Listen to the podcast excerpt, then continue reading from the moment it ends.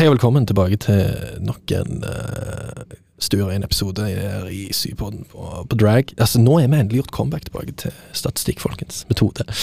Det var en av de to første episodene vi lagde, uh, meg og Øystein. Uh, nå er vi endelig tilbake, uh, og det er deilig. Og i dag skal vi snakke litt om kvalitativ metode. Men før vi kommer til det punktet, så er vi nødt til å introdusere gjestene her nå. Så nå kan vi begynne med deg selv. Hvem er du? Uh, ja, nei, jeg er da Kjell Slupphaug, og jeg går da tredje året på bachelor. Og ja, andre året som kollokvieleder, og er da i historie og metode.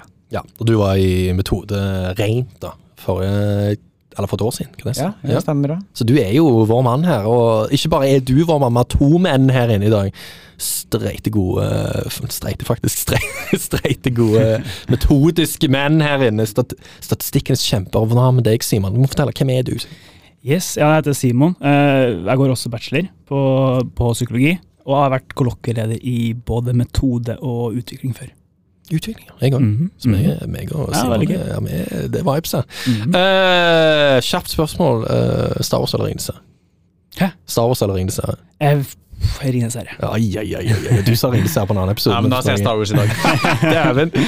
Dæsken, folkens. Det er dobbel uh, Nei, det er det ikke. Det er én Star Wars, det er en Ringenes. Jeg sjøl er på Star Wars i dag, men i dag så skal vi snakke om kvalitativ forskningsmetode.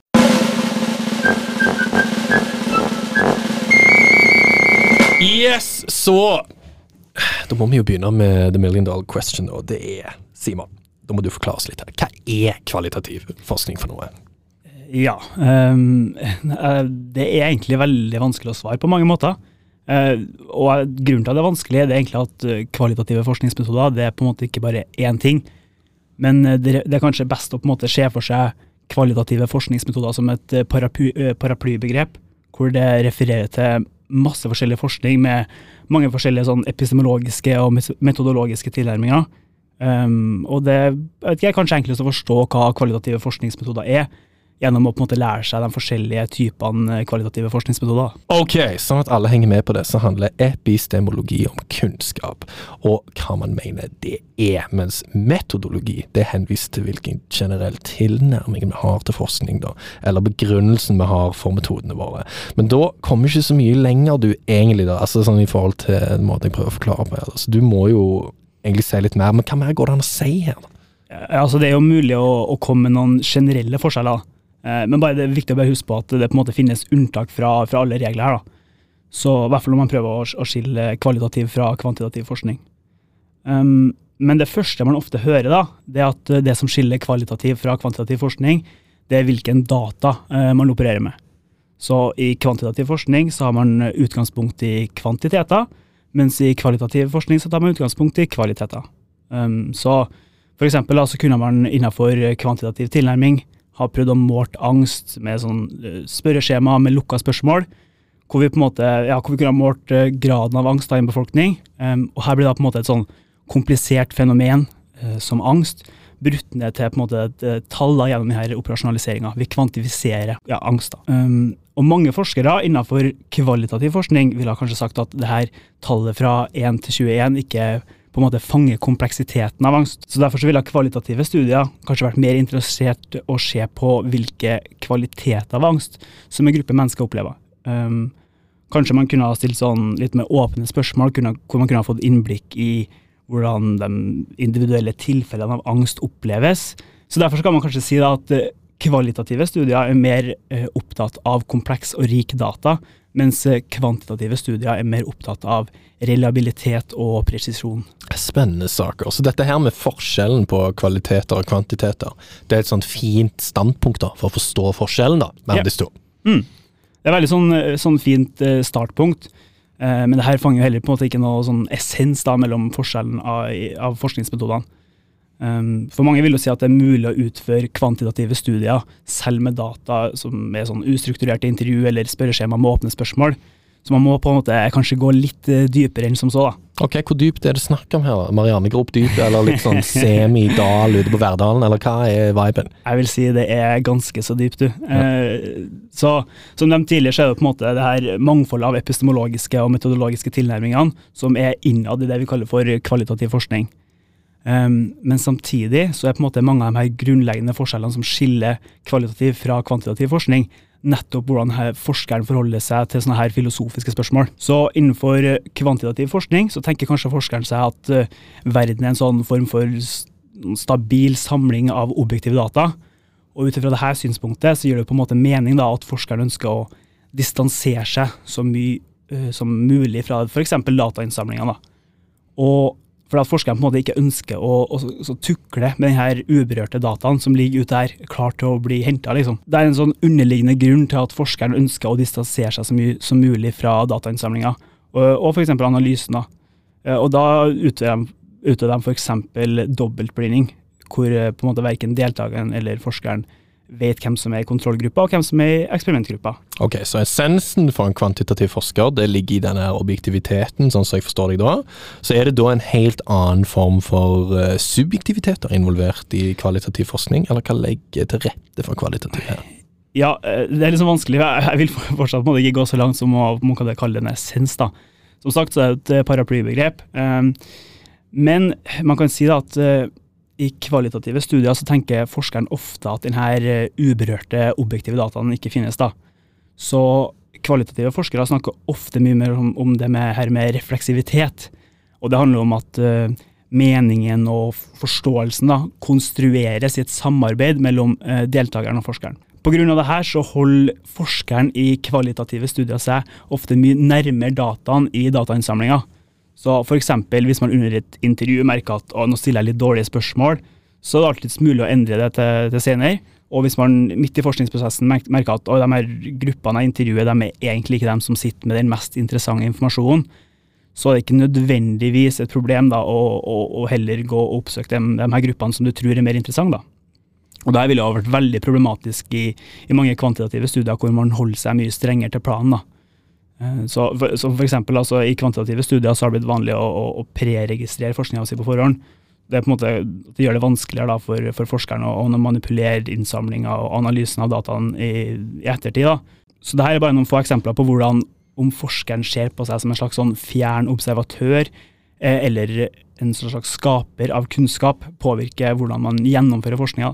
Ok, så forskjellen i uh, sånne store filosofiske spørsmål som du gir oss her, forklarer litt uh, hvorfor kanskje noen forskere ønsker å ha et tettere forhold til datainnsamlingen og analysen enn andre.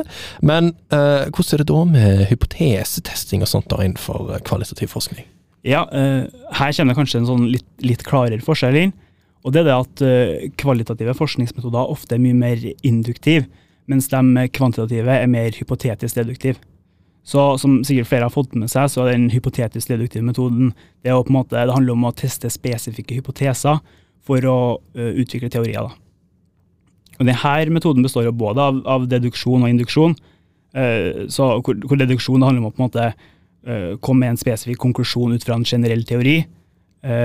hvor man f.eks. har en sånn teori, og så prøver man å lage en hypotese ut fra denne, denne teorien som man skal teste. mens induksjon handler om å handler om å generalisere ut fra spesifikke observasjoner og til en teori. Da. Så etter vi har fått et resultat i, i, i løpet av forskninga, så har vi lyst til å endre teorien ut ifra det resultatet vi har fått. Og Et problem da med å bruke denne hypotetisk deduktive metoden, det er at det kan være vanskelig å vite hvilke spørsmål som faktisk er innsikt. Så øh, Hvis jeg skal prøve å finne ut av moralsk utvikling hos barn, men så tester jeg bare hypoteser rundt uh, frykt for avkappa penis eller trangen til å, til å bekjempe far. Uh, altså Hvis denne koblinga høres tilfeldig ut, så har dere mye bra å se frem til. men poenget da, det er at, at de som Sinnssyk hypotese, men ja, fortsett. Ja, ja. men poenget er at hvis man bare danner hypoteser rundt denne sammenhengen, så oppstår altså, da oppnår man mest sannsynlig ikke noe mye innsikt da, i barns moral, moralske utvikling. Så Derfor så er det sånn at I kvalitative studier så benytter man ofte en mye mer induktiv tilnærming, som ikke krever sånn like sånn presist eh, forskningsspørsmål, eh, som hypotesen ofte er. da. Så For eksempel så kunne man ha snakka med barn i forskjellige aldre og bare hørt litt hvordan de forholder seg til moralske dilemmaer, så uten man skal teste en sånn her veldig sånn spesifikk hypotese. da. Så den hypotetisk deduktive metoden den er mer, eh, eller kanskje mest relevant da innenfor eh, kvantitativ forskning. Så hvordan er det da med utvalgsstørrelser og sånne ting som det her? Det er, vel, det er vel kanskje Er det store forskjeller her? Ja, det der er jo en veldig, veldig sånn grei og håndfast eh, forskjell mellom kvantitative og kvalitative studier. Hvor eh, generelt sett så bruker kvalitative studier ha hatt mye mindre utvalg, da. Eh, egentlig bare pga. at det ligger veldig mye jobb i, i analysen av dataene. Eh, et utvalg på 20 kan i mange sånn kvalitative kontekster være sett på som et ganske stort utvalg. Og det er jo bare fordi at det å transkribere og kode og sånn måte veldig mange intervjuer tar veldig lang tid. Det tar ofte kanskje litt lengre tid med 20 dybdeintervju enn 20 spørreskjemaer, for å ta det veldig, veldig enkelt. Um, det er veldig viktig å påpeke òg at noen forskere driver både med kvalitativ og kvantitativ forskning, til tross for alle ulikhetene. Ja, det er et veldig viktig poeng. Så nå er jeg jo på en måte fokusert veldig på sånne, de, de sånne filosofiske uenighetene, men eh, det går an å se litt bort fra det her eh, når det kommer til forskning. Så eh, mange vil jo si at, eh, at forskninga bare er verdt noe så lenge det har en viss sånn nytteverdi for oss. da. Og hvis vi fokuserer på denne nyttigheten, så, eller nytteverdien, da, så kan man på en måte se litt bort ifra debatten om de sånn forskjellige metodologiene kan fange virkelige eller faktiske verden på noen måte. Um, så Derfor så er det mange som ser nytteverdien i både kvantitativ og, kvantitativt og kvalitativt arbeid. Og kanskje sånn, det er sånn at de svarer på forskjellige spørsmål. Kanskje gir de ekstra kunnskap ved å på en måte belyse et fenomen fra forskjellige synspunkter. Ja, det er ikke alltid like vanlig i psykologi. Er det ikke så mange som driver med sånn mixed methods, men uh, i den gamle Jeg har en bachelorgrad fra før av. Uh, før jeg begynte på master i psykologi, så hadde jeg òg tok bachelor men før det så hadde jeg en bachelor i uh, administrasjon og organisasjonsteori i Bergen. Og der drev de nesten utelukkende bare med mixed methods. Altså, mm. der, der, var det veldig vanlig å ta utgangspunkt i f.eks. hvis man skulle um, lage eller designe spørreskjemaer, da. Så var det ofte sånn at de hadde lyst til å ta utgangspunkt i flere dybdeintervju først, før de videre gikk i å designe de ulike spørreskjemaene. Uh, ellers er det òg mulighet til å gjøre omvendt. At han, kanskje man ser en tendens går igjen i et spørreskjema, så har man litt lyst til å finne ut hva det egentlig ligger i denne verdien vi har klart å plukke ut her. Sånn, hva, hva nyanser finnes det der? Så det er absolutt mulig. Eh, jeg så selv du òg hadde en ting du hadde lyst til å nevne. Ja, altså, jeg vil mene at den største fallgruva da, man havner i når man snakker om kvalitativ og kvantitativ forskning, er at man gjerne sier at den ene er bedre enn den andre. Uh, og jeg ville kanskje heller tenkt på det som at uh, de er forskjellige verktøy i en uh, verktøykasse. Og da er verktøykassa det som vi kaller for metodologi. Mm. Det er et veldig godt poeng, og det tror jeg er en fint perspektiv å ha med på eksamen òg. Uh, men uh, Simon, det finnes kanskje flere kanskje flere likheter mellom tilnærmingene? Ja, det gjør jo det. Um, og, og, det som på en måte er kanskje det viktigste, er at begge prøver jo å være vitenskapelige, ikke sant. Uh, så selv om på en måte de fleste sånn kvalitative forskerne ikke er så veldig opptatt av å på en måte prøve å generalisere eller predikere ut fra funnene sine, så er det jo ofte sett på som en styrke, da, om, om så det er bare pga. nytteverdien i det, at resultatene gjelder i situasjoner og utvalg som er litt annerledes enn en de som ble undersøkt. da.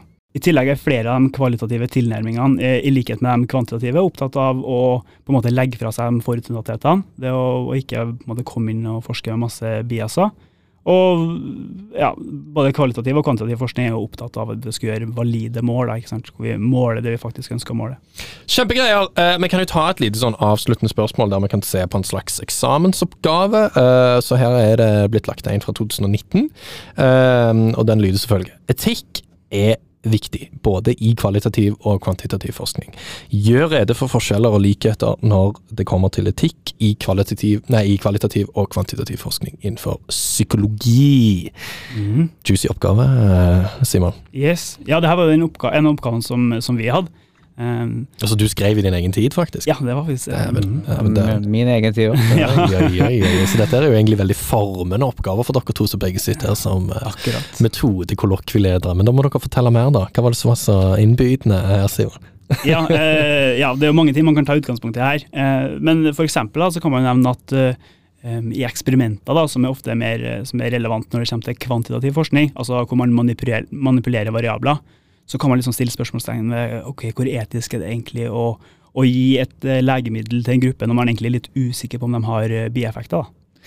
Ja, altså på samme måte så kan vi liksom kikke på placebo-kontrollgrupper innenfor uh, psykologisk forskning på behandling av f.eks. depresjon. da, altså ikke bare er bieffekter et problem, men eh, hvis jeg f.eks. tar eh, og bruker en kognitiv behandling eh, av depresjon som jeg er rimelig sikker på fungerer, hvor eh, etisk er det av meg å sette folk på venteliste og la dem vente på behandling i seks måneder? Altså, det kan jo være mye som skjer i løpet av de seks månedene. Og kanskje trenger ikke jeg å gjøre en ny replikasjonsstudie på noe som jeg egentlig vet eh, fungerer. da. Mm. Uh, så er det, sånn, er, det, er det et argument til òg på slutten? Kan, det, sånn, du, kan du argumentere for noe den ene eller den andre veien, tenker du ikke? Eller? Ja, altså jeg vil jo argumentere fordi at uh, det kanskje er uetisk, da. Å bare replikere for å replikere, altså drive forskning for å drive forskning. Eh, og på mange måter så kan man nesten argumentere for at eh, kvalitativ forskning i noen tilfeller er mer etisk enn kvantitativ forskning. Ja, Det spørs litt hva man skal se på, tenker jeg. Eh, Det er òg veldig viktig. Men det er, sånn, det er en sånn ting Kanskje det hadde gått an i den oppgaven å konstruert et slags sånn eksempel, da. Det tror jeg er lurt. Og så på en måte sett på det fra to ulike innfallsvinkler. For det er jo ikke sånn, det er jo ikke svart-hvitt her. altså sånn, Her er det Psykologi er forbanna mye greier. sant? Ja, det kan involvere en kontrollgruppe og placebo, og da, da er det plutselig veldig alvorlig igjen, sant, på sett og vis. Og med, det er veldig viktig å ta for seg design, da, kanskje. Mens andre ting kan være mer eh, altså, ja, Nå vet jeg jo at oppgaven handler om etikk, da, men det kan være greit å få fram at dette her er ikke så svart-hvitt i alle eksempler innenfor forskning i psykologi òg. Bare nevne dette med forskjellen på at det, det ene gir deg én nyanse som den andre ikke gir. og Det, liksom, det kan være greit å bare få fram den enkle forskjellen òg. Ja, altså Hvis vi drar litt tilbake til ja, spørsmålet om etikk, da, så Siden det var faktisk det de spurte om. Ja, ikke sant. Så, eh, så kommer en del av forskjellene i det at uh, den kvantitative psykologien ofte driver med en slags sånn reduksjon av mennesket. I forhold til at vi prøver å beskrive mennesket ut fra tall. ikke sant? Uh, og man kan egentlig gjøre et argument for at bare det å redusere mennesket, mennesket i seg sjøl er uetisk, da. ikke sant? Eh, altså, Er det greit at jeg sier at eh, du er deprimert på en skala fra 1 til 21, eller bør jeg heller prøve å forstå deg som et individ? da? Eh, men det her har òg konsekvenser for hvordan vi driver forskninga vår. Altså, hvis vi ser på mennesket ut ifra et sånt reduksjonistisk syn, altså hvor jeg liksom tenker på deg som tall og nummer og mekanismer og prosesser, så kanskje jeg liksom får et sånt syn som gjør at jeg er villig til å gjøre mer uetiske ting. ikke sant? For jeg liksom mister litt sånn det menneskelige perspektivet. Mm. Mm. Tenker det, Simon? Ja, kanskje kan man på en måte dra det her med reduksjon av mennesket litt det med dyreforskning også. Eh, så Man kan jo på en måte forklare det, si at, eh, at det å på en måte generalisere ut fra funn på dyr, som man ofte gjør innenfor kvantitativ forskning, eh, at det er en form for sånn reduksjon av mennesket. da. Og, og det kan man jo si ut fra det argumentet Kjell kom med, at det kan være litt sånn uetisk i seg sjøl. Men samtidig så er det at, eh, kanskje et enda større problem at eh, det er vanskelig å få et eh, informert samtykke av, eh, av f.eks. En, en rotte. da. Ja. Noen flere poenger dere vil nevne òg? Ja, altså øh, Man har jo f.eks. problemer med for eksempel anonymitet i en del studier. Så hvis jeg f.eks. gjør en sånn øh, eh, Ta en sånn biografisk eh, studie av en enkelt person, øh, og vil liksom, da vil jeg jo ofte bruke navnet på den personen, kanskje. Eh, Eller den personen vil kanskje lese den boka og gjenkjenne seg sjøl. Altså, når du driver med kvalitativ forskning, så kommer du veldig nære subjektene dine. Og eksempel i etnografi så kan du omtrent eh, bli venner med deltakerne du undersøker. Eh, og det blir jo ganske fort sensitivt og litt sårt, da. Ja. Så tror jeg òg at jeg hadde avslutta en sånn oppgave med å si at det er mulig det, det er òg tilfeller der du kan gjøre begge deler. Tenker jeg også, altså sånn Det vi nevnte med mixed methods. altså sånn Igjen dette her med at det ikke presenterer et svart-hvitt-syn, men at uh, det er òg muligheten til hvis det er en problem eh, I tillegg, da, hvis du finner en eller annen sånn etisk problemstilling der det hadde gått an å gjøre begge deler, hadde jo vært fint. Det er jeg kommer ikke på en i farten, men det, hvis det går an å nevne en, så gjør det. Det tror jeg hadde vært fint. Uh, jeg tenker at vi sier oss fornøyd med del én der, og da har vi liksom sett litt på kvalitativ forskning litt generelt, sett på et lite eksamensspørsmål, og så tenker jeg i del to da skal Kjell og Simon få lov til å fortelle to veldig spesifikke eh, metodiske tilnærminger innenfor eh, kvalitativ, så hvis dere vil være med på det, det regner jeg med. Regner med at de vil, altså Dere to vil selvfølgelig være med på det, men hvis eh, lytterne har lyst til å høre et godt eksempel eller to Vil, vil du være med på det, Alex? Jeg må jo faen være med, jeg sitter jo faen her, så jeg må jo være med på det. Men ja, hvis dere har lytterne har lyst til å være med på det, så join med i del to, da vi skal se litt nærmere på litt enkelte teknikker. Så heng med!